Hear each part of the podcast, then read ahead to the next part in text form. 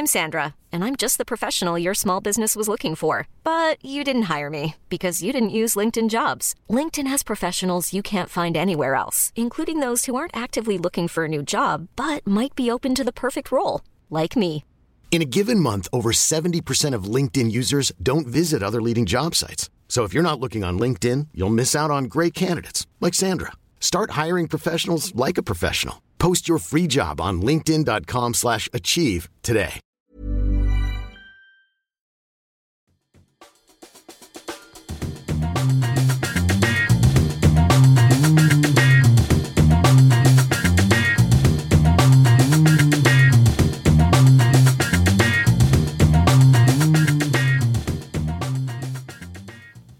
Jajamän, välkomna ska ni vara till Kedja Ut, en podcast om discgolf avsnitt 2 med mig Tommy Bäcke och min kompis Niklas Nyman. Hur mår du gubben?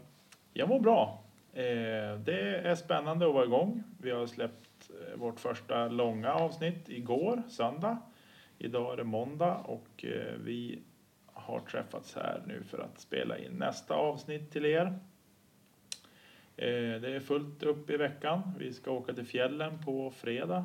Inte vi, men du kanske? Nej, inte du. Du ska inte med, men jag och min familj ska åka upp till husvagnen som vi har i Kittelfjäll och eh, vara där tills på söndag eftermiddag kväll hade vi tänkt. Mysigt. Väldigt mysigt. Skidåkning och så, va? skoter? Det blir nog bara skidåkning den här helgen faktiskt. Det blir nog ingen, ingen eh, skoteråkning den här gången. Men det är trevligt ändå. Lite skidor och har ni alltså säsongsplats med husvagn? Ja, vi har säsongsplats med husvagn. Vi har spikertält och hela, hela klabbet. Fan vad fint. Väldigt fint. Nästan man får göra när man har etablerat sitt familjeliv. Ja, men det är bara börja nu. Köpa husvagn och så och köra igång. Ja. Spika fast barnvagnen kanske. Precis. Så någon har tak över huvudet i alla fall. Men vad kul. Mysigt för dig. Mm. Nej, men det ska bli skönt. Vi var där eh, på höstlovet, vecka 44.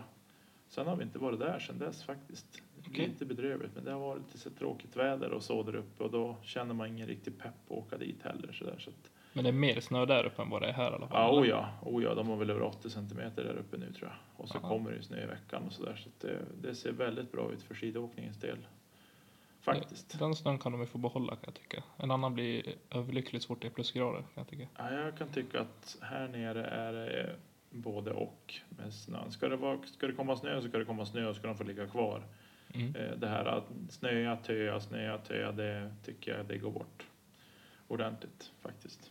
Ja, det var lite kontra- kontraster. Jag var ner till Dalarna och eh, Gävle eh, förra helgen på lördagen och söndagen och eh, spelade några runder tillsammans med några kompisar i eh, Street Team. Mm. Eh, och där är det grönt, både Falun och Gävle. Ja, Var det. Det, det regnade lite grann i Falun och eh, var lite halvkyligt framåt eftermiddagen men annars så fantastiskt bra väder och gröna fairways och inget is på greenerna som vi ser här uppe i alla fall så det var riktigt kul. ja Eh, Få härligt. spela lite mer likt det man är van med. Ja, härligt. Härligt. Ja, det var kul. Ja, Var det. Eh, vi är igång nu med avsnitt två. Eh, och vi tänker nästan börja med att att be lite grann om ursäkt från eh, avsnitt ett. Eh, där vi åkt på lite rättelser från eh, några av er lyssnare. Och vi antog att vi inte hade några representanter från Umeå på, på SM. Men eh, det hade vi i form av eh, två damer. Elin och eh, Pernilla var på individuella SM. Och så hade vi även par-SM på SM-veckan i, i Malmö där vi hade ett eller två par på här sidan vi hade två par på här sidan vill jag minnas. ja, och ett par på, på damsidan. Ja, så där får vi be om ursäkt och vi tackar att ni har rättat oss och vill att det ska bli rätt för det vill vi också. Så det ligger på oss att ta reda på fakta framöver känner jag. precis. Nej, men det var, jag kommer att tänka på det nu också, att de var ju med i tv, Elin och Pernilla. Mm, De var ju var med i sändningen på direkt, som jag har sagt, så att jag satt och kikade på ett par hål där. Eh, och de spelar väldigt bra. ja, jätteduktiga. Eh, Eh, och det var Jättestolt. Väl ett sil- nej, en tredje plats kanske det var till slut. Eh, ni får återkoppla om det, Elin och Pernilla. Jag ska vill låta det vara osagt, för jag att- kommer inte ja, ihåg. Jag kommer, det var, medalj vart det, men jag kommer inte ihåg om det vart eh, silver eller brons faktiskt. Guld vet jag att det inte blev, men, men eh, jag kommer inte ihåg om det vart silver eller brons. Men de spelar jättebra. Det var jätteduktiga. Det är otroligt bra jobbat faktiskt. Yes. Har du spelat någonting då själv? Nej, ingenting. Jag hade tänkt att jag skulle ta in korgen från carporten till garaget och börja putta lite grann, men det har inte blivit av. Det har varit så mycket annat med när man är innebandytränare till grabbens lag och man eh, håller på med podcasting och eh, sådär. Och, och så ska man hinna med övriga familjen och så. Då blir det inte så mycket tid över för discgolfen på vinterhalvåret. Jag försöker som hålla mig lite grann också. Att, så att det inte blir för mycket. Eh, faktiskt. Har du lätt att tappa suget om det blir för mycket eller? Nej, det är väl mer för familjens skull. Vill jag säga. Jag, jag försöker, jag spelar så otroligt mycket under somrarna. Det är ju nästan varje kväll när man är hemma. Eh, så är det ju. Vi är bortskämda, sover i kod nästan varje kväll. Mm. Eh, och då känner jag att nej, det, under vintern måste man försöka spara sig lite grann. Eh, även om jag skulle, jag skulle behöva träningen, det är inte snack om den saken så, men, men eh, då man har familj så måste man ju som tänka sig för lite grann faktiskt. Det är väl så. Jag väntar väl bara tills det ska smälla där hemma. Man får stanna hemma från både det ena och det andra. Men eh, vi får se. Ja, men jag tror sköter du det snyggt så tror jag nog att det kommer att ordna sig faktiskt. Kanske får se till att börja leva på, på skiten så kanske det är mer accepterat. Eller kanske blir accepterat Precis. mer än vad det är. När man får de här äh, stora kontrakten som är värt miljoner, då kanske det är lugnare. Det hade varit någonting. Ja, Det är fantastiskt. precis. Hur är det med dig? Det är jättebra med mig. Ja. Eh, känner mig pigg i, i kropp och själ. Har sovit eh, i tid och tillräckligt mycket för en gångs skull. Eh, haft, gjorde faktiskt mitt eh, sjätte gympass på åtta dagar nu i, i morse. Ja, Och innan dess hade jag hunnit med en timme på banan också och kasta lite inspel och sådär. Så det, det känns jättebra. grymt bra. Tanken är väl att få till en liten puttsession ikväll innan det är sängdags också. Så vi får, ja, Vi får rappa på här helt enkelt. ja, vi får göra det. Ja, Men vi får stilla på kvalitet på det. precis. Men du, eh, jag tänkte ställa en fråga till dig här. Det får du göra. Eh, vad har du för mål med den här säsongen? Oh, att jag inte såg att den skulle komma. Eh, mitt mål, i fjol satte jag ett mål på, eh, som var på rating. Eh, och, eh, vilket jag inte tog. Jag hade satt ett, eh, ett mål på 9.35, eh, vilket jag sabbade ganska tidigt. Eh, innan det började gå helt okej, bra på, på höstsäsongen. Eh, men så i år har jag skippat eh, ett ratingmål. Eh, men någonstans innerst inne så hoppas jag ändå klättra åtminstone från 9.14 som jag ligger på idag. Eh, Men jag har ett mål och det är att åtminstone vinna en tävling Just det. som jag ställer upp i. Och jag, som Niklas sa i, i förra avsnittet så spelar han i intermediate-klassen och detsamma gäller mig. Eh, Så där blir jag nog kvar till min rating har gått upp på rätt nivå för, eh, för Open. Eh, Blir jag. Och det är väl 9.30 va? Som, 9.35 va? Ja. Tror jag gränsen är. Nej, kanske 9.30. ja, den är någonstans i alla fall. Ja, någonstans där i, i krokarna i alla fall. Så tanken är att börja intermediate eh, och spela så bra som möjligt och förhoppningsvis kunna eh, ta hem åtminstone en pallplats, men en vinst är, är målet. Ja. Är det. Själv då? Har du Jo, någonting? eh, jag hade ett mål i fjol att jag skulle klättra över 900 i rating, eh, men jag lyckades inte med det. Och varför? Det är väl mer eller mindre att eh, det låser sig lite på, trä, på tävling. Inte på träning. På träning tycker jag att det kan gå ganska bra, men på tävling så eh, ah, det låser sig lite i spelet, man blir lite stel, slappnar inte av riktigt. Eh, Är det mentalt tror du? Eller är det att du inte Ja. får till det praktiska? jo, det tror jag. Jag tror, jo, det är allting startar ju uppe i huvudet. Eh, och så. Och sen när man inte liksom, man, man eh, tränar inte så mycket som man borde göra. Eh, man går helst mer runder. Så tänker jag att eh, muskelminnet är inte där. Man träffar rätt ibland och, och ibland blir det bara knas. Man blir lite försiktig. Eh, och det har väl alltid varit mitt problem att inte kunna slappna av. Men de gånger man liksom verkligen har koncentrerat sig på att slappna av så då har det liksom, man har satt de här puttarna, man har gjort de här inspelarna som har varit bökiga. Eh, så att, ja, nej men det har låst sig på tävling och det är den mentala biten jag måste, jag måste slappna av eh, och inte vara så spänd. Det är väl egentligen det som är mitt största bekymmer. Så jag, jag, tänker, jag kastar inte jättelångt, men jag tänker att det är inte där problemet sitter. Inte på, på de banor vi har på våran tour här uppe. Det brukar inte sitta där i alla fall. Nej, eh, vissa banor absolut så har man nytta av att man har, har eh, längden liksom 120-130 meter. Men, men i det stora hela så tycker jag många gånger att man, man eh, jag kan inte skylla på det. Utan det, det, är det, det är det mentala som måste upp helt enkelt. Så enkelt är det.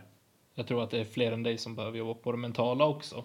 Eh, jag ser väldigt lite av det i, i discgolf Sverige överhuvudtaget. Eh, det kanske är flera av er där ute som har någon typ av mental coach som, eh, och som drar nytta av det. Men jag tror att fler skulle ha nytta av det. Och jag själv inte minst. För de gångerna det går bra så går det jätte, jättebra.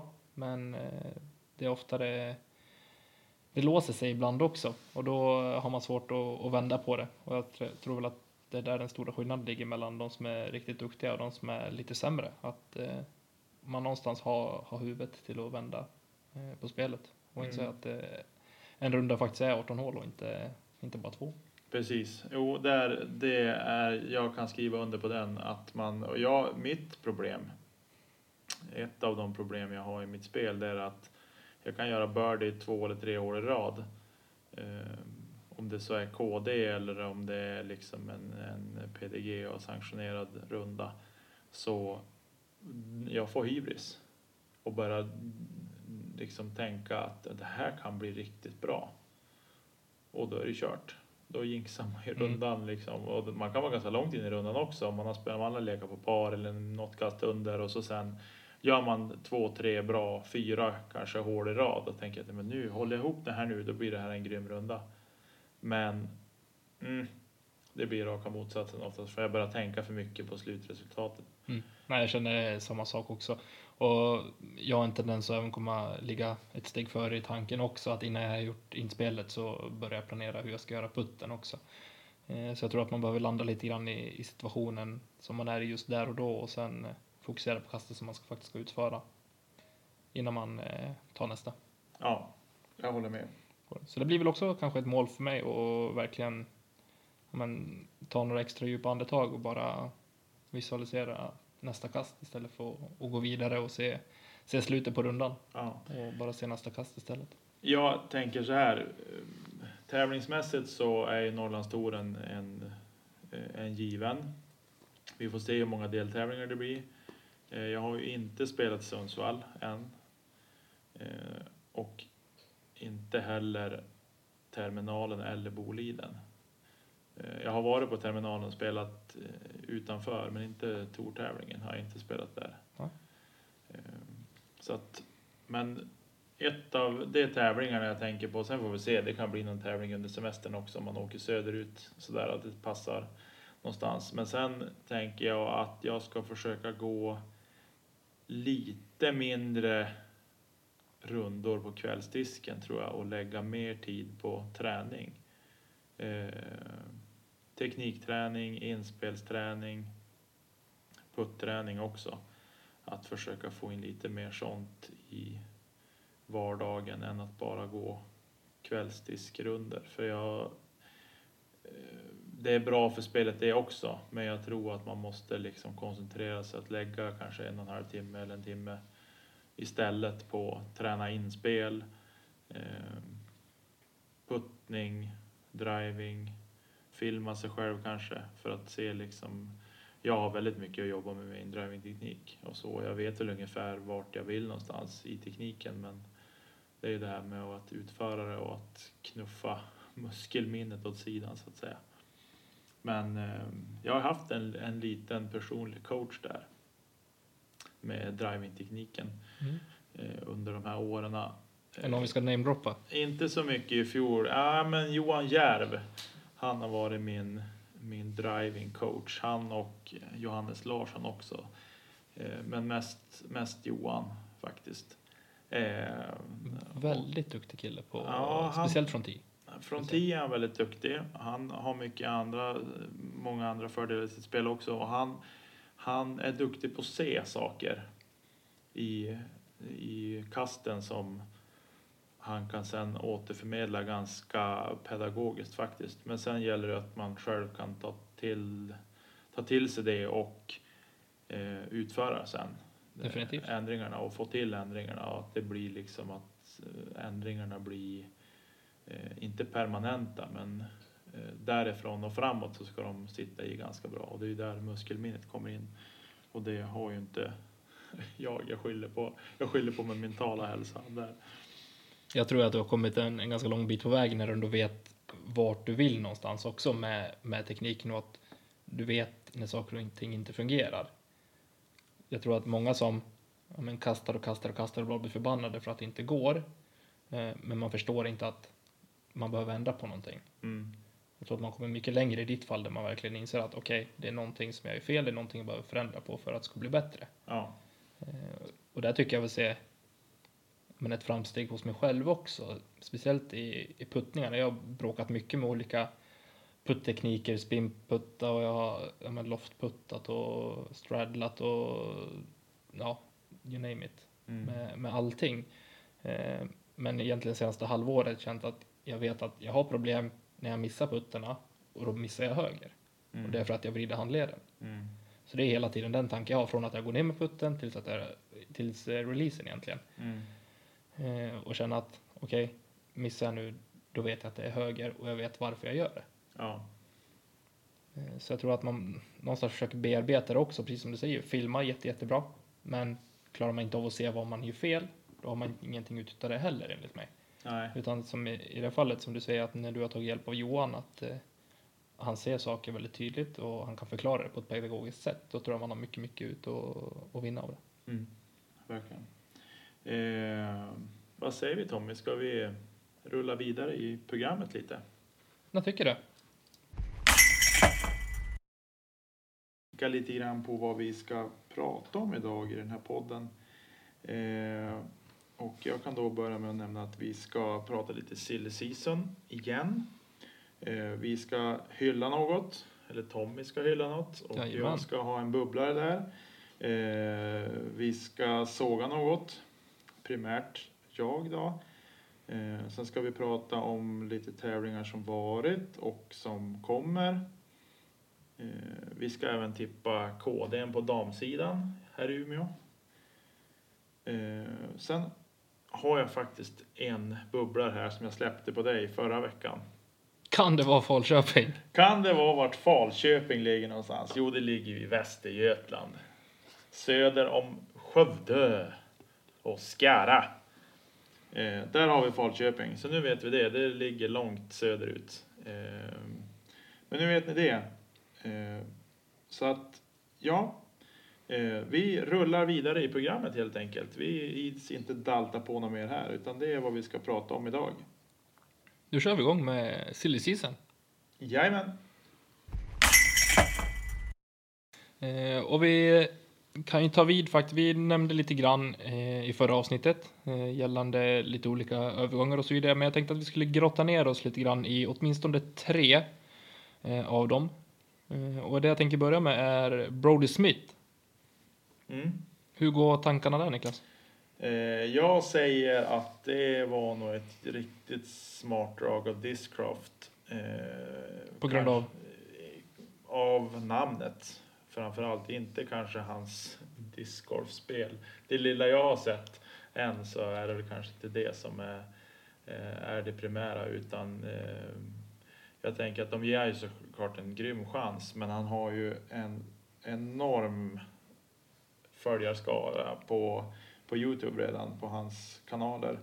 Eh, på hans vanliga kanal Brody Smith så har han i ja, 2,19 miljoner följare, prenumeranter.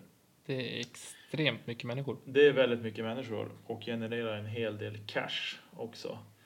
Tänker jag för varje visning. Och sen har han ju även en kanal som heter Brody Smith Golf där han spelar långgolf, bollgolf. Mm.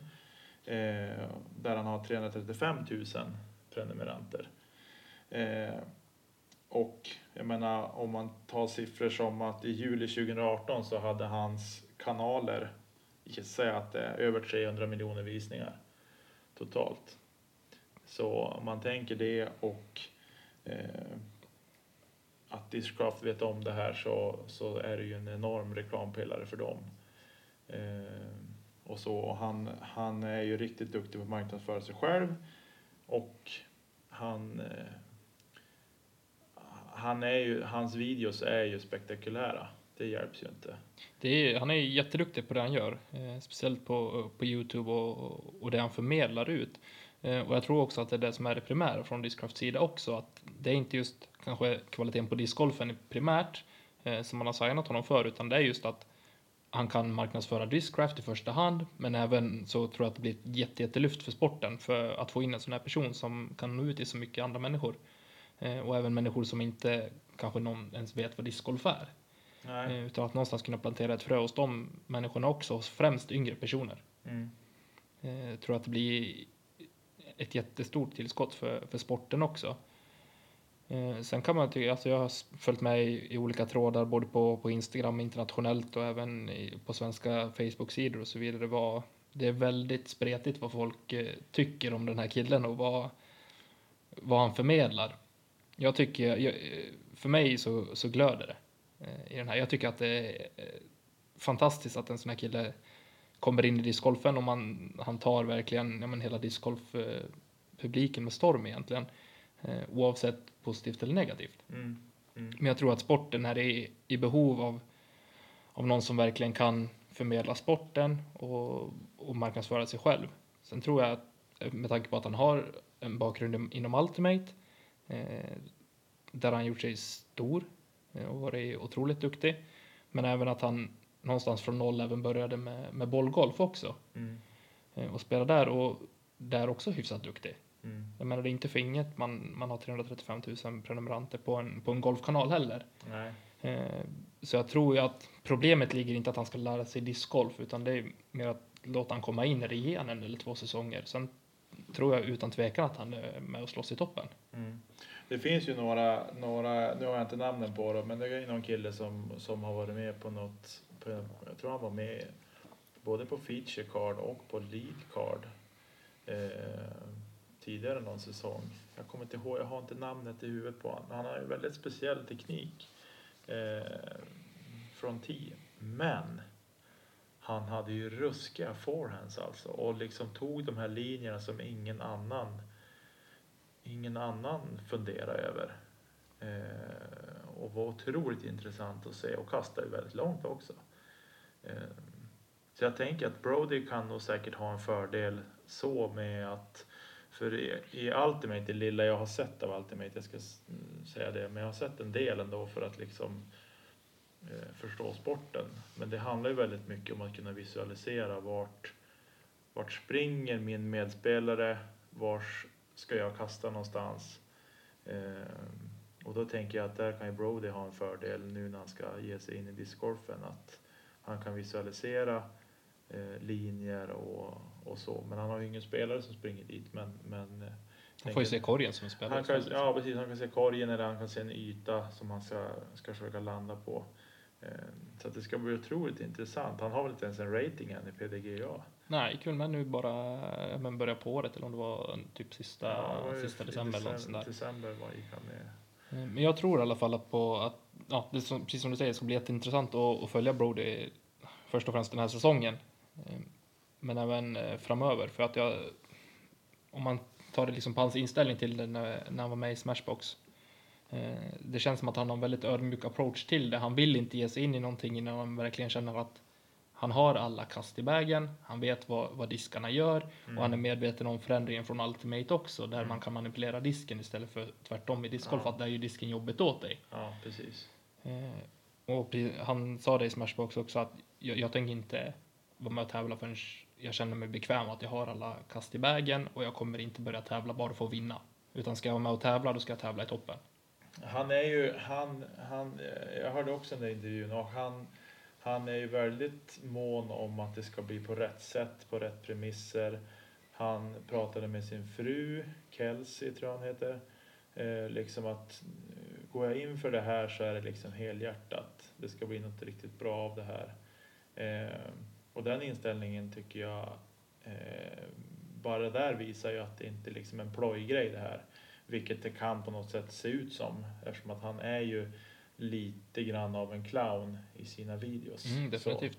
Så, eh, så jag, jag, ja, det ska bli väldigt intressant faktiskt. Ja, min första tanke när jag hörde om det där att han skulle ge sig in i discgolfen var så ja, men ska du hålla på och tjoa och skrika och som du gör i dina videos? Då tänkte jag blir tröttsamt. Mm. Eh, men det kommer han såklart inte att göra. Nej, och det är det jag lagt märke till också. För jag menar, en kille som ändå har tävlat i, i vanlig golf och tävlat eh, i, i den sporten kan inte tillåtas tävla om man håller på så. Nej. Så jag tycker har man någonstans som, som eh, liksom åskådare på sidan av eh, tänkt steget längre innan man börjar såga honom för hur han uppträder i sina videos och i videon med, med Paul och, och Simon också. Eh, så tror jag att man kan förstå att okej, okay, ska den här killen börja tävla då kommer det inte se ut så här. Utan den bilden jag har fått av honom efter att ha lyssnat eh, på honom och, och följt honom på diverse sociala medier också, att det är en, alltså en väldigt, väldigt tävlingsinriktad kille som har stora krav på sig själv och det han presterar. Mm. Eh, men som är, som sagt inte kommer gå dit för att och bara visa upp sig utan han, han är med för att tävla och göra det på allvar. Ja, precis. Precis. Så jag, jag slänger en hiss på Brody Smith. Ja, Det är det ska bli, det ska bli intressant. Eh, Jag är försiktigt eh, optimistisk kring honom. Det ska bli väldigt intressant, verkligen. Eh, Jag hoppas verkligen att han, att han eh, kommer att ta sig. eh, Att han kommer att klättra ratingmässigt ganska snabbt och, eh, och den biten. Och sen får man ju ta liksom de här Youtube-videorna som får man väl ta som han har gjort med Paul och Simon till exempel. Det är mycket ploj där också. Eh, Ja, gud, och det ser man ju på dem också, liksom, Ja. när man är i mer avslappnade miljöer. Ja, ja, att liksom, vad fan, det är inte alltid det är dödsallvar på dem. Liksom. Visst är det så. Visst är det så. Men draget ur röven då? När, eh, när säsongen är slut, vad hamnar han på för rating?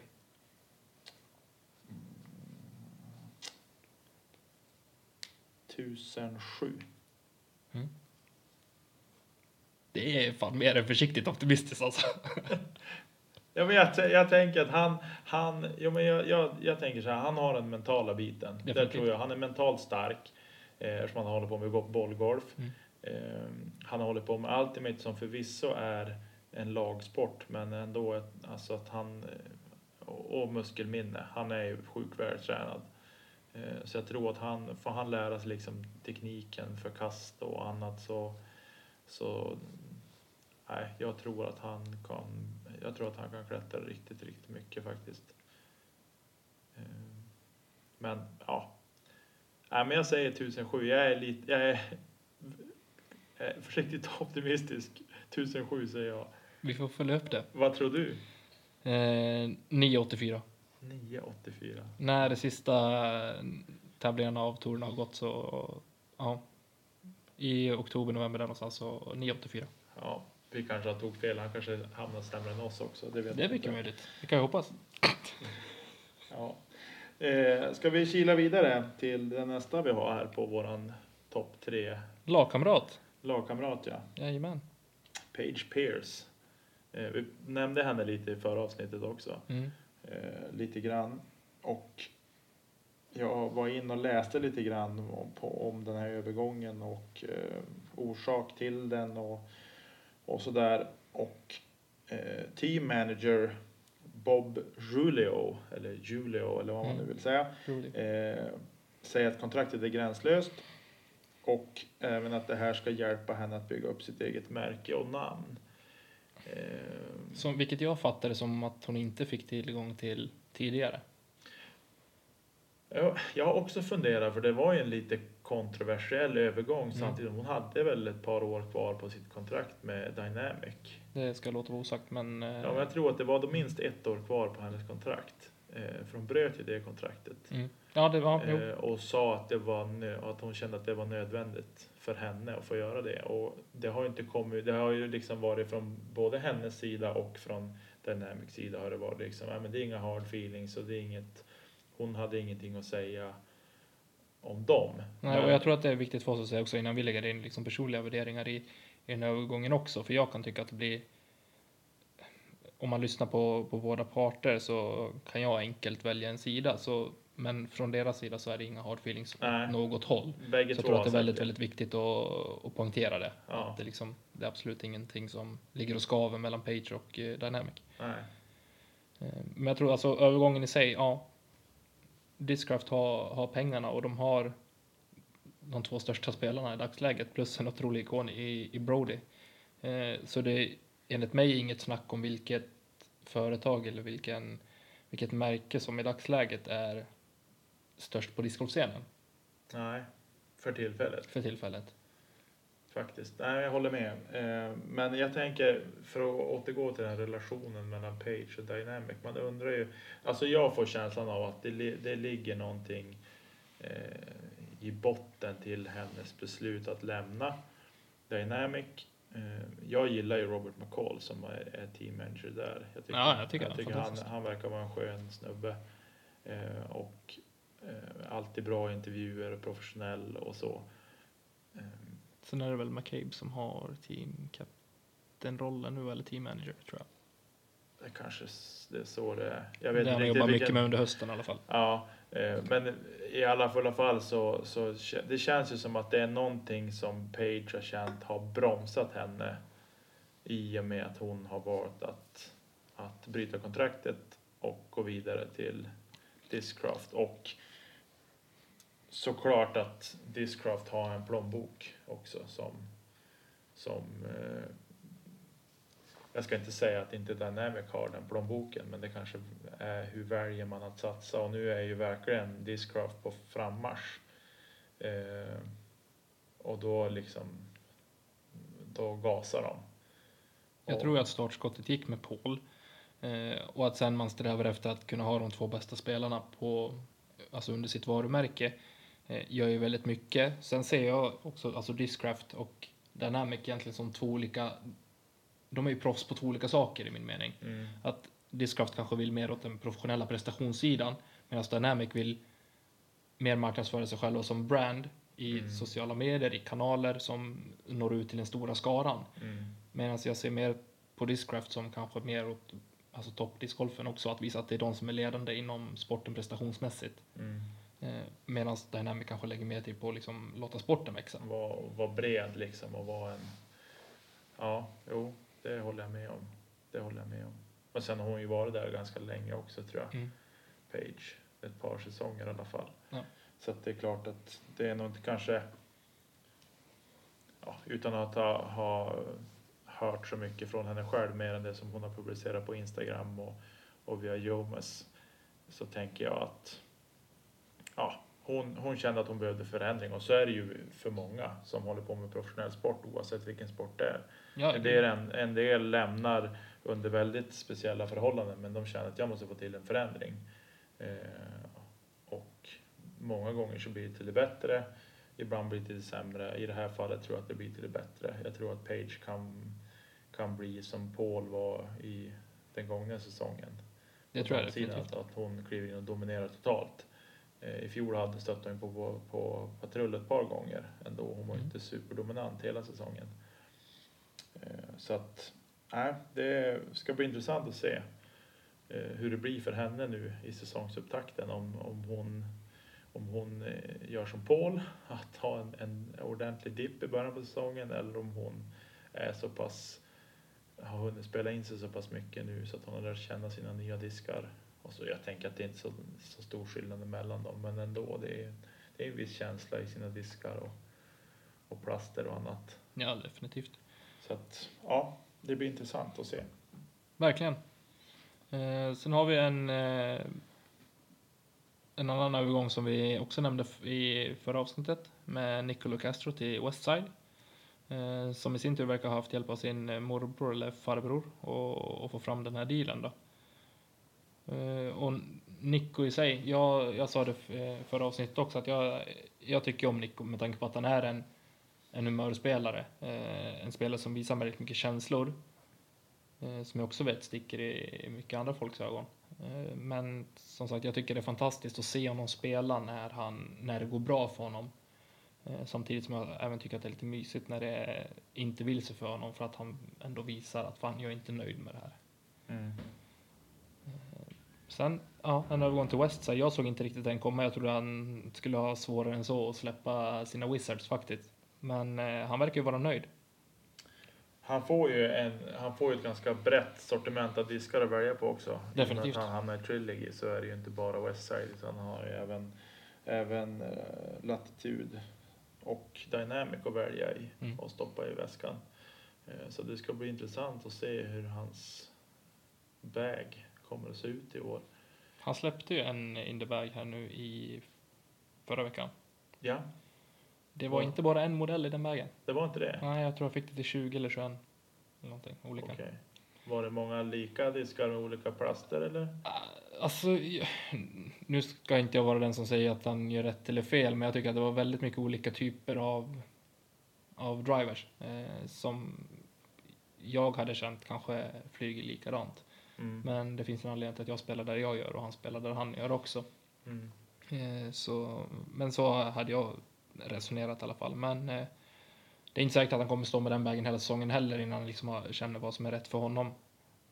Men ja, det, det visar sig. Som sagt, Ja. han har ett väldigt bre- brett eh, sortiment att välja på. Och känner att, att han har hittat rätt så tror jag absolut det går bra. Han är också väldigt optimistisk inför den här säsongen. Eh, som han sa till PDGAs eh, podcast, tror jag det var. Eh, att han har otroligt höga mål inför den här säsongen. Han vill satsa allt på VM. Mm. Eh, och han känner sig verk, alltså väldigt optimistisk inför säsongen och, och kommer verkligen göra allt för att ta sig tillbaka till toppen igen. Mm. Ja, nej, men han är ju, när han, när han spelar på sin topp så är han ju, eh, är han ju ruskigt bra. Mm. Alltså han, han vinner ju inte de tävlingar han vinner utan anledning. Så är det ju. Eh, så att det ska bli otroligt intressant att se vad som, vad som kommer ur den där killen i år. Faktiskt. Och jag tänker det är samma sak där som, som för Page, att ett miljöombyte kanske var vad som behövdes och som kanske kan lyfta hans spel också. Eh, och det är klart att han kanske, tittar man bara på han, hans namn med tillsammans med Westside så betyder det att han får en ganska stor roll också. I, Ja, gud. i Westside. Så att jag, jag tänker att med, med ansvar brukar många gånger det komma framgång också. Definitivt. Så det ska bli otroligt intressant att följa hans säsong här. När den drar igång på allvar. Det ska bli jättekul. Om man, jag har en fråga till dig där. Ja, Eh, tror du att han vinner någon DGPT eller NT-tävling? Under 2020? När alla andra är skadade. Nej. Det där var elakt. Det var lite elak. Nej. Eh, ja, om man håller ihop det en hel helg så tror jag att han kan vinna en. Jag ska inte säga, jag ska inte ge mig på någon gissning på bana, men, men eh, ja, det tror jag faktiskt att han kan. Mm. Eh, och de andra kan också spela väldigt bra, men det har vi ju sett Nick och när han spelar bra så är han riktigt, riktigt bra och blir ju besvärlig för de andra eh, att klättra förbi. Mm. Så att ja, nej, det ska bli otroligt intressant att se vad som, vad som eh, han hittar på faktiskt.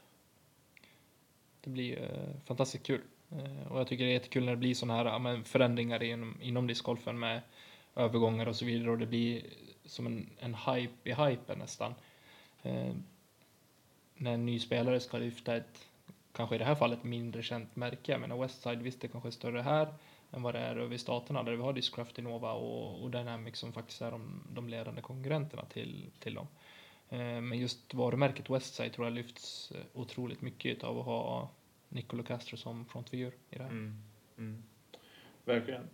Eh, ja, jag vet inte, ska vi sätta punkt för eh, Silly ämnet? Eller har vi någon? Vi gör det. Och är det så att ni lyssnare har inspel också på Brody Page eller Nico här som ni vill dela med er av så mejla in till oss på kedjaut.gmail.com eller skicka oss ett DM på Instagram och där heter vi kedjaut. Eh, jag tänkte att vi skulle spinna vidare lite grann på det här med, med företagen och, eh, och märkena.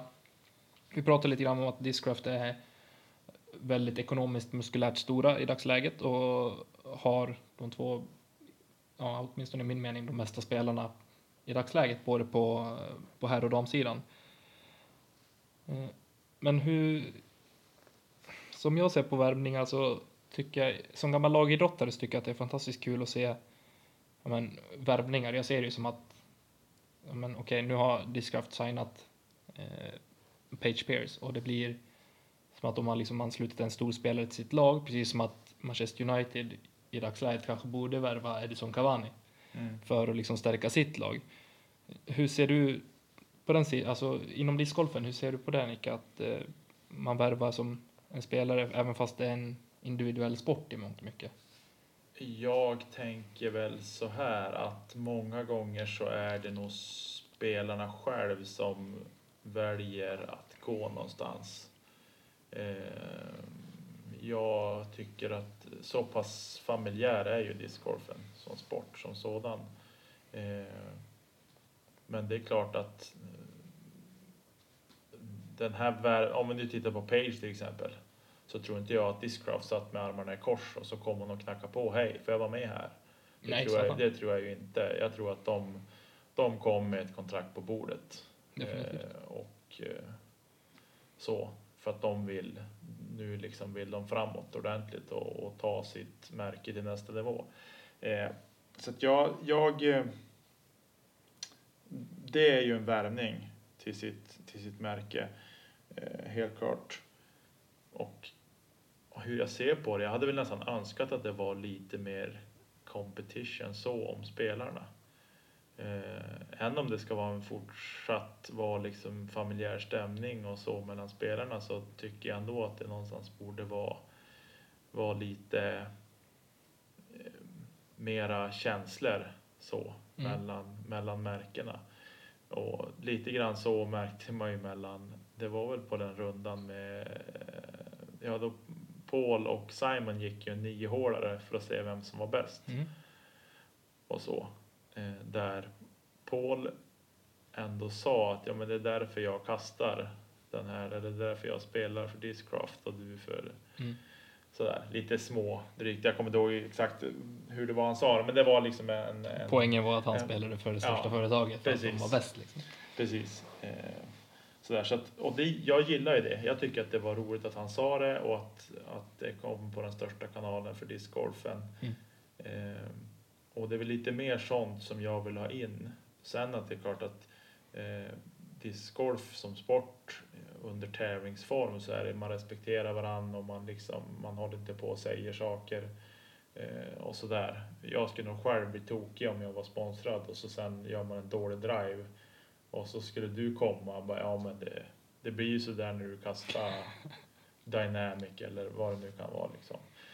Så att nej, på så vis vill jag inte att den ska bli, bli eh, en fulare sport. Men jag kan tycka att lite mer competition eh, och lite mer rycka och slita och dra i spelas där skulle jag vilja se. Hade du velat sett något liknande som vi ser på European Open till exempel när vi har Presidents Cup mellan USA och Europa fast mellan olika discgolfmärken? Så att ja. Disc, Discraft fångar ihop alltså sitt lag och plockar ut de fyra bästa som representerar Discraft ja. och så Discmaners är samma sak. Och... Ja, det skulle jag vilja se mm. faktiskt. Eh, för att eh, då discgolfen är så mycket större i USA än vad den är i, är i Europa, mm. tänker jag. Eh, nu säger jag det här utan att ha kollat några uppgifter, men jag får känslan av att den är betydligt större i USA än vad den är i Europa. Så tänker jag att det kanske vore roligare med tävling mellan märkena än, än mellan Europa och USA. Alltså det ena utesluter inte det andra. Jag, min, jag tycker alltså det hade varit kul att se ett liknande upplägg fast eh, mellan olika märken också. Till exempel, tar det efter Worlds eller någonting. Ja, Och slänger ihop, ja men okej vi spelar tre runder. Eller matchspel eller vad som helst. Eh, bara få, men en kul grej. Sen förstår jag också att det tar på spelarna. Visst har man spelat fem runder World så man är skitgrinn och man har kommit tvåa efter Paul med, med 12 kast skillnad så kanske man inte är jättesugen på att gå ut och spela tre runder till bara för att ja, och visa upp sig själv och, och den, eh, det företaget som man representerar. mm. Eh, Men jag tror att ja, en personlig åsikt eh, är att det hade varit väldigt kul att se. I alla fall. ja för oss som åskådare har det väldigt roligt. Ja. Helt klart. Det, jag skulle också vilja se det.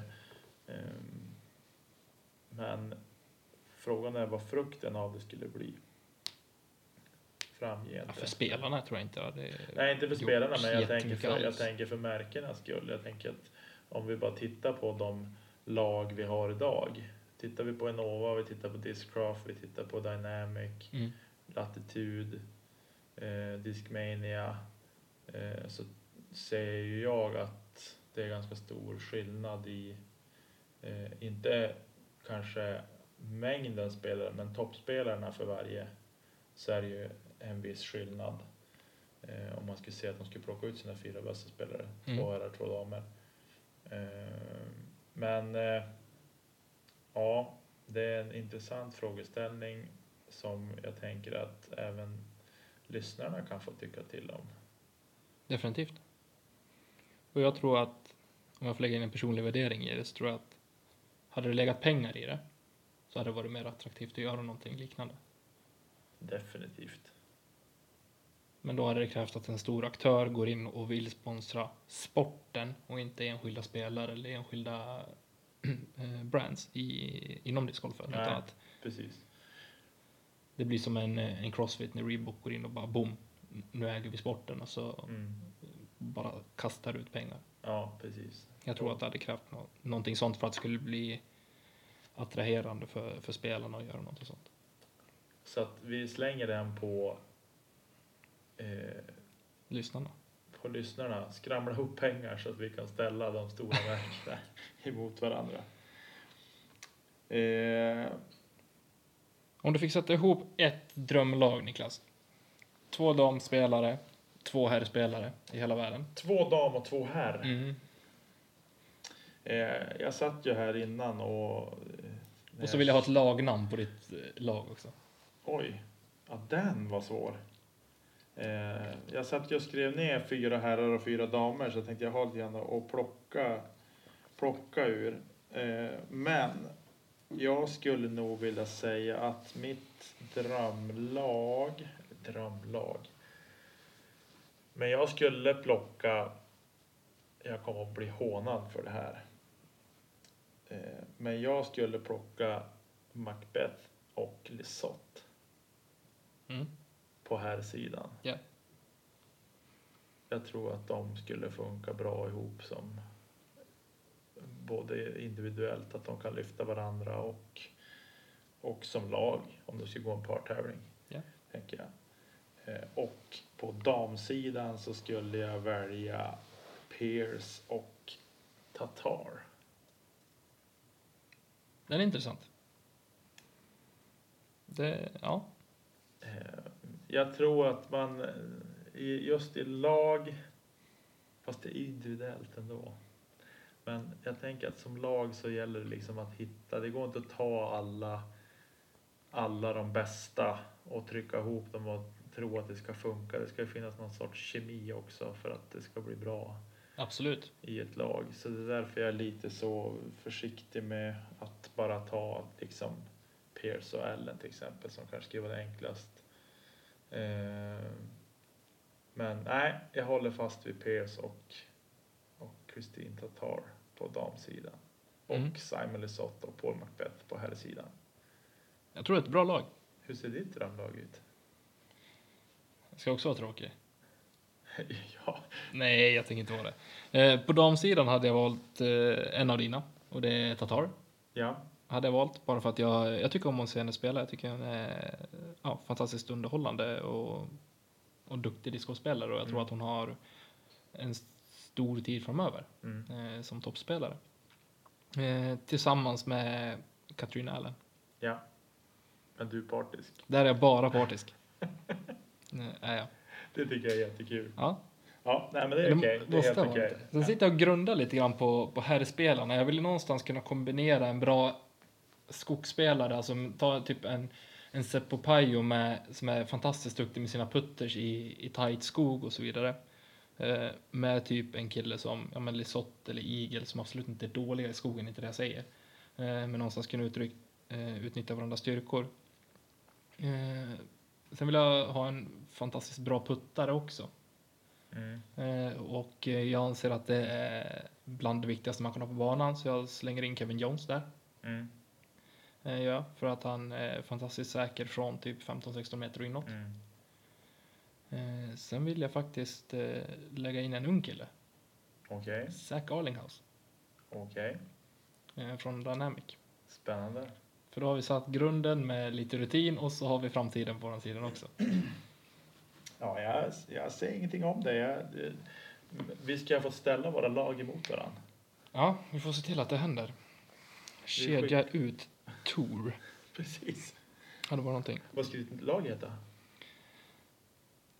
Jag vet faktiskt inte. Den där kommer jag på nu bara för att sätta dig på pottan. Och jag Eh, kontrar direkt med att inte ha något, men jag har nog ett snart. Har du det? Ja, Vi det- kan återkomma till det i slutet om vi kommer ihåg det. Jag fan, måste fundera ut. Duckar du undan? Ja, jag måste fundera ut ett bra Okej. lagnamn. Ja, men du, det här var ju en väldigt intressant punkt. Eh, helt klart. Och jag skulle vilja spinna vidare på den här i något annat program. När vi kanske har någon gäst och få höra vad de har för, för drömlag. Det tycker jag absolut. Eh, vad säger vi? Ska vi rulla vidare Eh, vi gör det. med nästa programpunkt? Yes. Ja, då ska vi se. Vi ska prata lite grann om eh, tävlingar som har varit eh, i helgen. Och Tommy ska här snabbt swipa fram på sin telefon. Eftersom att vi hade papper här och jag hade lagt in en länk till tävlingen som inte går att klicka på på pappret. Då såg man jättemycket också.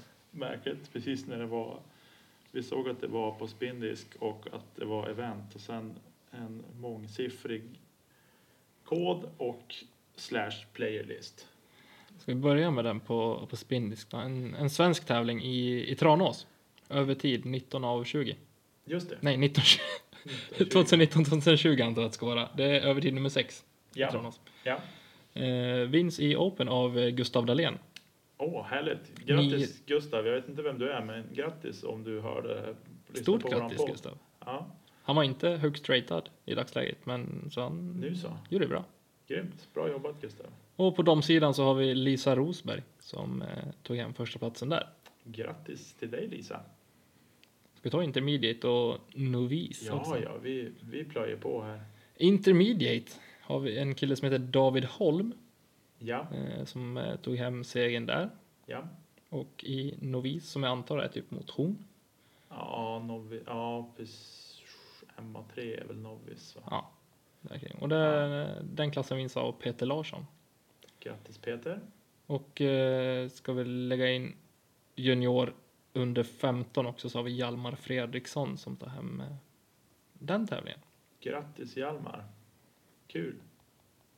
Jättekul. Kul att det går lite eh, tävlingar i, i Sverige också så här års. Ja, Jag önskar mer sånt i framtiden faktiskt. ja verkligen. Även norröver. Men framförallt södra Sverige som inte har någon snö att klaga på. Definitivt. I det stora, över, sett över vintermånaderna i Norrland, november till april, så tycker jag att sörlänningarna får klara sig den veckan de har snö med att inte spela. Ja, det kan man tycka. Nu kommer jag få en massa haters för att jag sa det där, men det tar jag. Alla dagar i veckan. Ja, jag sa det, det var, var ju en önskan från Henrik Hagman i intervjun på Discgolfkanalen att eh, han var inte så jävla nöjd med deras vintrar nere i Skåne heller, utan det var mest lerigt och, och blött, så han hade hellre tagit lite, lite kallgrader, så åtminstone fairway var hård. Det låter som vilket sem- septembermånad som helst i Umeå. tycker jag. Så Hagman, bit ihop. Du får i alla fall spela den här tiden på året. Ja, Ja. kanske därför han är bäst i Sverige i dagsläget också. Ja, det Eller svensk mästare ska jag säga åtminstone. Jag säger ingenting om det, men, men jag vill ändå någonstans mena på att får du spela discgolf även den här bistra tiden på året så Spela discgolf Henke för gilla läget. Nu måste vi censurera här också. Ja, förlåt. och lägga in explicit language när vi lägger ut avsnittet. Ja, men du. eh, Vi har en till tävling som har varit i, på andra sidan pölen. Ja, låt höra. Eh, Det var inte nu helgen som var, men helgen innan det så var det The 17th Annual Fairhope Jubilee Powered by Prodigy Discs. Såklart att du hade koll på den. Jajamensan. Det var den tävlingen som gick. Och eh, vinns också av en eh, Prodigy-spelare vid namn Cameron Colglazer. Ja, Eh, men det är inte det som är det stora, utan killen går en 18 under runda. Sista rundan. det är stort. Mm, Dock Ja. på en bana med 22 hål, Ja, men still. jag har en anekdot sen vi ska ta, eller anekdot, en, en händelse från eh, i höstas som vi ska ta sen. Vi kan ta den i slutet på programmet. Det kan vi göra. Eh, Men Cameron vinner alltså där på ja, 30 under par medan tvåan slutar på 20 kast under par. Så ja, han tar hem det ganska, ganska klart. Ja, Eh, har sett eh, alla rundorna som ligger ute hittills och eh, killen är bra alltså. mm. Han är duktig. härligt. Eh, andra kända namn som är på den tävlingen var egentligen Will Schusterick. Eh, och ja, det är typ han. Andrew Montgomery var med också. När ska Will få ihop det igen? När ska Will få ihop det? Är det när han börjar putta bra igen som Oskar brukar säga? Oscar gillar ju Will Schusterick. Jo, han älskar ju honom. Men han säger ju också att han kan ju inte putta längre. Han har en fantastiskt fin kastteknik. Ja, han har Eh, alltså jag skulle säga att det är poetry in motion. Ja. Vill jag säga. Han har sån fin teknik. eh, Det har han. Och sen, jag tycker alltså, ja, sätter han puttarna så gör han det ju bra. Det ser var ju fint någon- ut när han sätter puttarna. Ja, ja, visst, när han det- missar så är det så, ja, Det var ju någon tävling man såg när han helt plötsligt började sätta puttarna de första typ 12-13 hålen. Mm. Och sen rasar ju närspelet ihop fullständigt sista fem hålen. jag vet inte. Det var ju hemskt att se, men, men eh, nej, Will, hang in there. We are cheering for you. Det är vi. Det är vi. Men du, eh, eh, vi har ju lite kommande tävlingar också. Det har vi. Eh, som vi kan nämna redan nu, även om det här avsnittet kommer att släppas. Eh, nej, men det är ju faktiskt nu till helgen det är en tävling. Jajamän. 26 januari. Har vi i Enköping, tror jag att det är, på Lundbyparken. Ja, Lummeparken, exakt, det känner jag igen. Är det. Och det är inte Bra. jättemånga anmälda än så länge. Eh, in och anmäl er. Eh, Skynda er och anmäla. Ni hinner när, när ni har hört den här podden och anmäler. Fan, Enköping, det är sommar. Det är bara att spela. Två spelare i Open-klassen än så länge. Oj, är inte det den här Road to Tyni eller vad den heter? Road to Tyni är det, stämmer. Precis. Ja, Ha, har du läst någon info där? Kan du se någon info där? det står det, ingen info faktiskt. Det står ingen info, okej. Nej. Tänkte om Road to Tyni tänker man att är det en kvaltävling för att få... Om det ligger någon eh, Tyni-plats i potten kanske. Så kanske det är. Ja, så är det såklart. Smart. Vi låter det där. osagt, men jag tror att det är någonting sånt. Bra där Tommy. Eh, har väl, ja, det är två spelare i Open-klassen, sex spelare i avancerad och 18 i recreational. Så det är kul att eh, sporten börjar växa. Med tanke på att det är så mycket eh, recreational-spelare med. Jag är inte förvånad heller på ett sätt tänker jag. För Nej. det vet man ju själv att man är ju gärna ute för att bygga upp sitt spel och hitta, hitta, hitta sitt spel väldigt mycket också. Så därför jag tänker att det kan vara en hel del i de lägre klasserna också. Men Open, ni får ju steppa upp. Det duger inte. Kan inte ligga och mysa på formen fram till SM Umeå, det går inte. Nej, precis. För då kommer ni att misslyckas på SM Umeå. Det kommer inte att gå. Så Enköping och ni andra som bor, allting är nära till Enköping. Steppa upp nu och anmäl er till Road to Tyni. Tycker vi. Eller i alla fall jag. Jag kanske själv här. Jag kanske sitter ensam här i podden och tycker saker. Tommy, han, han håller. Jag förväntar mig att du deltar där nere i helgen. Nej, just det, du skulle till... Nej, jag ska till fjällen. Så Till fjällen. Men annars hade jag varit där. Vi kan ju skramla ihop en anmälningsavgift till Nicke. Nicke till Enköping, snälla. Då blir jag hängd av min familj. Det går inte. Jag är ledsen. Kanske dit pengar ska gå. Som släpper iväg det på ett Enköping. Till Enköping på tävling. Ja, nej, det vore... Du hade ju var, aldrig varit söderut och tävlat. Det kanske är en, eh, ett mål det här året också. Få åka lite mer söderut. Ja, precis. Jag hade ju tänkt att jag skulle ner till Härnösand. Sand i maj. Nej, jo, det har jag tänkt mig. Men jag tänkte väl även att jag skulle ta mig ner till Kristinehamn i Värmland och spela. Jag har en kompis som bor där. Trevligt. Eh, som har en jättefin bana nära sig dessutom. Och jag, har, jag och Johannes Larsson har gett han diskar dessutom. Men det är hans son som använder dem där mer. Han har själv inte varit ute än. Och han, Aj, säger, aj, aj. och han säger, Josef om du hör det här, han säger så här. Jag vill inte öppna Pandoras ask. Men jag säger att öppna asken Josef. Det tycker jag. Heja Josef. Ja, heja Josef. Eh, ska vi ta, ja, vi kanske, den tar vi nästa avsnitt. Den var så långt fram den tävlingen, den kan vi ta i nästa avsnitt. Ska vi ta den nästa? Vi tar den i nästa avsnitt. Då får ni veta vilken tävling det är som går, cliffhanger. går av stapeln den 31 i första till den andra i andra. Jajamän. Eh, så, nu ska vi gå vidare med det här.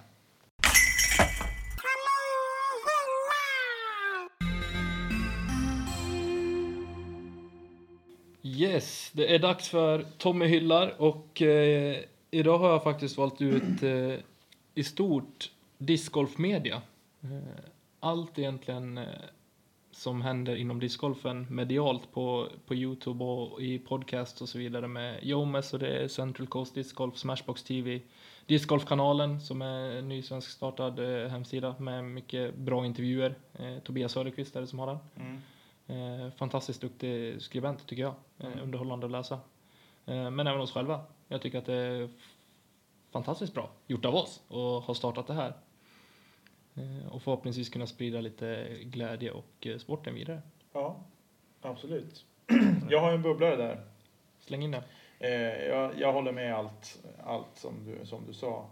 Eh, jag har en bubblare som rör alla som jobbar med discgolf på ett eller annat vis. Tävlingar, banbygge, arbetskvällar eh, på befintliga banor, styrelsearbete, torer eh, och så. Det är ni som gör Discgolf Sverige och ser till så att sporten växer.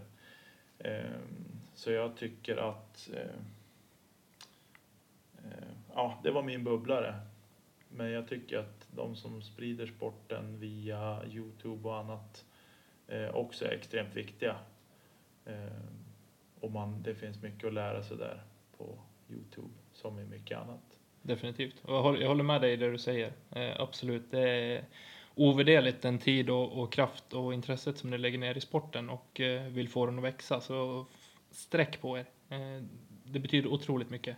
Eh, och försök få med fler på samma tåg. För det, det behövs. Det behövs fler som hjälper till på banarbeten. Det försök och, alltså arbete på discgolfbanorna menar jag nu. Inte barnarbete. Eh, och eh, se till att få in ja, men, nya TDs, skapa nya torer och, och tävlingar och så vidare. Även om det bara är vissa alltså enstaka tävlingar så är det, det behövs för sporten. Och framförallt på, på damsidan och juniorsidan. Mm. Verkligen, Det betyder jättemycket. verkligen.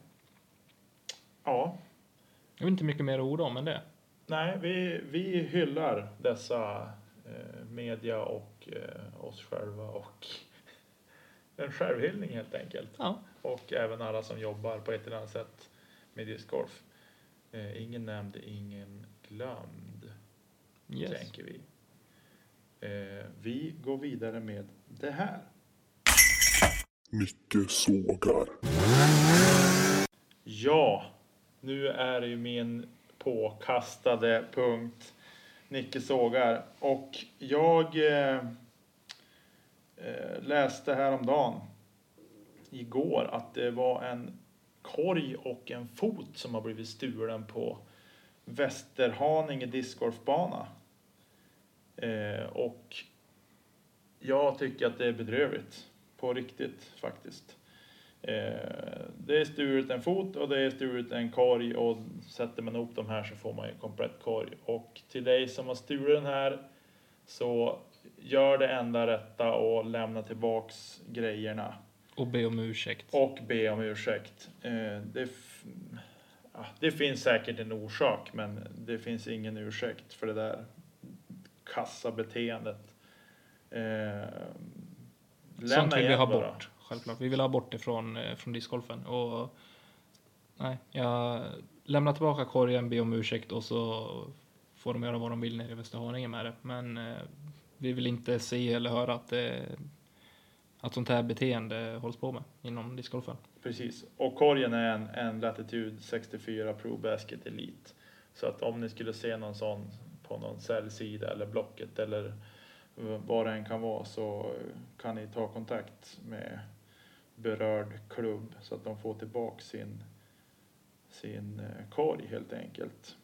Vad har du för bubblare Tommy? Min bubblare är inom samma ämne, men eh, generellt disktjuvar. Mm. Eh, vad tycker vi om det? Alltså jag, eh, jag tycker så här, hittar man en disk och det finns ett telefonnummer på den så tar, försöker man ta kontakt. Det är ju steg ett. Finns det inget nummer på disken så kan man ju se om det finns en, en klubbsida på Facebook eller en Eller om det finns en postlåda på den banan, Ja. lägg den där i. Förmodligen så har man en postlåda där för att samla upp upphittade diskar. Så använd dem och gå fan inte dit och sno grejerna. Nej, Utan precis. låt dem ligga där tills ägaren har, hittat sin disk.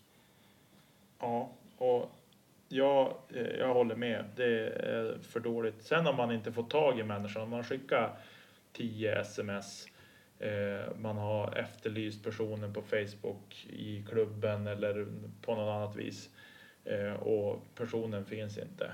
Nej men okej, ja men då är det liksom, eh, och det inte finns någon brevlåda heller att lägga in. Ja men då, då kan man inte göra så mycket. Nej. Men det här med att man eh, hittar en disk och inte gör någonting åt det, det är för dåligt. Men Det finns ju folk som går runt med aceton i fickan och hittar diskar och bara suddar ut namnet direkt och behåller Ja. disken själv. Det tycker jag är fel. Eh, Men när, tycker du att det någon gång är okej att behålla en disk som man har hittat? Ja, när man har gjort allting som står i sin makt för att disken får, ska få eh, återförenas med sin ursprungliga ägare. Mm. Eh, så tycker jag det. Men, men eh, jag tycker att man, vi kanske är lite för flata eh, kring sånt.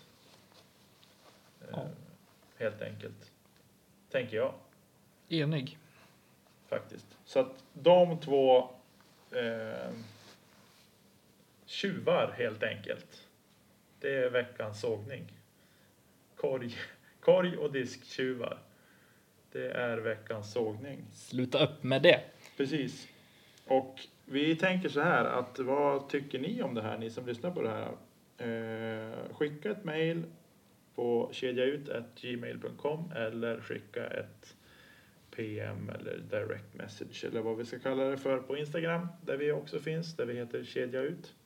Yes. Så när är det okej att hålla, behålla en disk som man har hittat och hur ställer ni till eh, det som händer året runt på alla discgolfbanor i Sverige skulle jag tippa på. Precis. Dela med er av tankar och eh, idéer. Precis. Eh, ja, vi lämnar då den punkten där och så Gå vidare på nästa. går vi vidare på nästa. Yes, och eh, vi tänker väl ta vid där vi eh, avslutade egentligen förra gången. Eh, då tippade vi, det blir lite lokalt nu, så ja, ni som inte bryr er får stänga av. Eller nej, så, gör inte det. Nej, det kommer viktiga saker i slutet som ni måste lyssna på. Så nej, stäng inte av. Stäng inte av. Men vi tippade Umeås eh, kvällsdisk, eh, både på I20 och eh, Mariehemsängarna eh, i Open-klassen. Och idag har det blivit dags för damklassen. Ja. Vill du börja? Eh, ja, jag tror så här att på ängarna så kommer eh, Elin Tobiasson att vinna. Eh, säger jag nu utan att veta hur startfältet ser ut. Men jag tror att hon kommer dra det längsta strået där. Hon, hon är ambitiös och träningsvillig eh, och spelar mycket discgolf. Eh, och är väldigt duktig. Och rolig att spela med också. Fantastiskt kul att spela med. Trevlig och, och så. Så hon tror jag kommer att ta hem det på ängarna. I 20 eh, så ser jag nog att eh, Pernilla tar hem det. Faktiskt. Och tyvärr så, så är ju inte damsidan så, så stor, stort startfält i, i Umeå. Nej. Så Eh. sprid podden till andra tjejer och få dem att spela discgolf så kan de ge Elin och eh, Pernilla en match i sommar. Tycker jag. Precis. Eh, Så jag tänker att de tar nog hem varsin KD. De tjejerna som spelar mest i klubben. Och kommer någon bubblare som, som dyker upp och tar hem hela klubbet så fine. Be det blir, guest. Det blir kul. I sådana fall. Säger jag. Förlåt Elin och Pernilla men ja. Vad, vad säger du? Eh, Jag säger nog samma sak fast tvärtom. Okej, Jag tror att de eh, byter, byter bana. bana. Ja. Yes. Eh, sen tror jag jag har, som sagt, som du var inne på Elin, väldigt eh, träningsvillig och eh, ja, har en vilja att utvecklas och, och träna. Så jag tror spelar hon mycket eh, så, och liksom lägger ner den tiden som hon har gjort i fjol så tror jag att hon faktiskt tar hem båda. Mm. Eh, men i första hand så tror jag att eh, de splittar på det. Fast Ja. eh, tvärt emot ditt tips. Tvärt, tvärs emot. Ja, då får vi se vad som, vad som händer Yes. i år faktiskt. Eh, ja, Tommy, jag lovade att jag skulle bjuda på en liten anekdot här när du pratar om tävlingarna. Eller anekdot, jag vill, det var en händelse som var helt fantastisk faktiskt. Dela med dig. Jag ska dela med mig. Jag eh, bor ju ungefär 20 minuter utanför Umeå. Eh, och eh, ni som kör mycket bil vet att det blir kostsamt i längden att sitta och köra mycket bil och när man då har eh, sina kvällsdiskar att spela eh, i, ja, under sommaren så vill man ju spela dem. Men då kände jag att nej, men det blir för mycket pengar. Jag kan inte sitta och köra fem mil eh, liksom tur och retur eh, för varje kvällsdisk som ska spelas. Så att jag raggade ihop och köpte korgar av Fredrik Nilsson som han hade, gamla i20-korgar. Eh, när i20 var ny på bankartan. Eh, så de köpte jag av Fredrik och eh, gjorde fötter till dem och rustade till dem lite grann, inte så mycket. Så. Eh, och han hade sex korgar som jag har använt och ställde upp en sexhålsbana hemma i byn där jag bor. Och ja, mer eller mindre uppskattad av de som har varit och spelat där. En del funderar på hur tänkte du här när du gjorde det här hålet och hur tänkte du här? Eh, men eh, i det stora hela så, så är det en bra bana eh, för att kasta längre kast med putter. Man behöver inte gå med något annat än, än putter. Eh, så. Och då arrangerade jag en tävling i, i höstas. Och vi var sju stycken spelare på den tävlingen. Det var inte så många som ställde upp och var med. Vi hade väldigt tur med vädret. Det blåste väldigt mycket, men eh, andra rundan framför allt. Men det var en fantastisk andra runda av Johannes Larsson som låg trea inför andra rundan. Du ser. Eh, han var efter mig till och med. Oj, men du är Ja. hemmaspelare. Klart du Peppar, leda. peppar. Och jag har ju byggt banan så det är klart jag hade min fördel. Men han drämde till med en minus 17 Oh. på den banan med ett ace. Är det banrekord eller? Det är banrekord. 17 under i Bodbyn. 17 under på Bodvin discgolfbana. Eh, och det kan ju många fnysa åt som man tittar på bankartan att det är längsta hålet är väl 66 meter eller något sånt. Men åk dit och spela. Jag ska dit, definitivt. Jag har inte varit där än. Nej, skäms. Ja, jag tar på mig skämshatten faktiskt. Ja, Eh, Så, men dit ska jag i vår och sommar. ja. härligt. Du kanske kan, kan hjälpa till att ställa upp banan. För jag plockar ner banan. Jag, tänkte, jag trodde du skulle fråga om jag kunde hjälpa till att slå banrekordet. Jag tänkte säga. Nej men definitivt. Det, Ja. det ska vi lösa. Ja, nej men så Johannes, ja, än en gång, det var jättekul. Vi gick ju tillsammans andra rundan och det kändes lite surrealistiskt att du drämde till med ett sånt banrekord. På lead card. På lead card dessutom och att komma, liksom ligga trea och så bara dundra förbi och vinna med ett par kast, det var, Det är det som krävs ibland. ja, det var, det var strångt gjort. Faktiskt, så hatten av till dig Johannes. Eh, jag tror inte vi säger så mycket mer Tommy. Vad, har du något sådär spontant du vill dela med dig av innan vi avslutar? Nej, jag, det känns som att vi har fått med allt som vi har velat Ja, eh, få med i härligt. det här avsnittet. Och eh, ja, Feedback. feedback, precis. Tack först och främst till, till alla som har hört av sig. Eh, Det är några stycken, både på Instagram och eh, på mail. Ja, Och eh, vi är jättetacksamma för, för all feedback. Men eh, vi tar gärna emot eh, saker och ting som vi kan förbättra eh, lite mer också. Eh, Men eh, framförallt så är vi glada att det har tagits emot eh, med öppna armar det vi har, har startat upp. Så vi hoppas kunna fortsätta underhålla er på, på det sättet. Och Precis. som sagt, är det frågor eller funderingar, åsikter och eh, idéer, eh, gärna idéer på gäster som ni vill ha med i podden också, så hör av er till eh, kedjautsnabblagmail.com eller skicka ett DM på Instagram och där heter vi kedja ut. precis. Och vill du vara med själv i podden så, så hör av dig.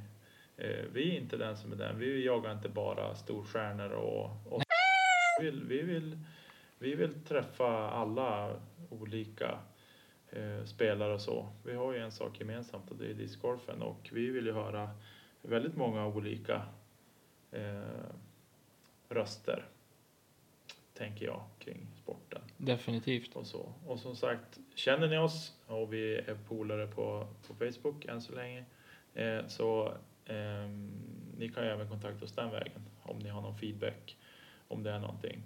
Ehm, vi har massor att lära om, om hur man hur vi ska föra oss i podden och ämnen och, och så. Men eh, vi gör vårt bästa och vi kommer att växa in i de här rollerna, jag är helt övertygad om. Eh, har vi något mer? Nu har vi ingenting mer va? Nu har vi ingenting Nu mer har vi ingenting mer. Så vi säger bara helt enkelt tack och adjö. och kasta inte kedja ut.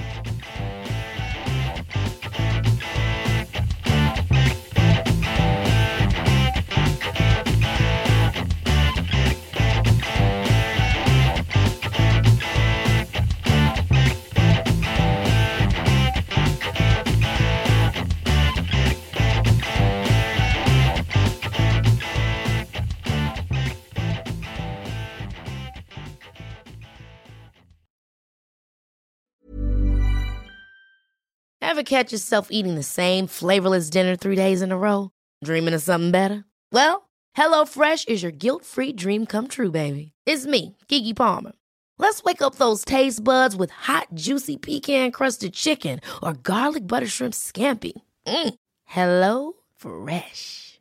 Stop dreaming of all the delicious possibilities and dig in at HelloFresh.com. Let's get this dinner party started.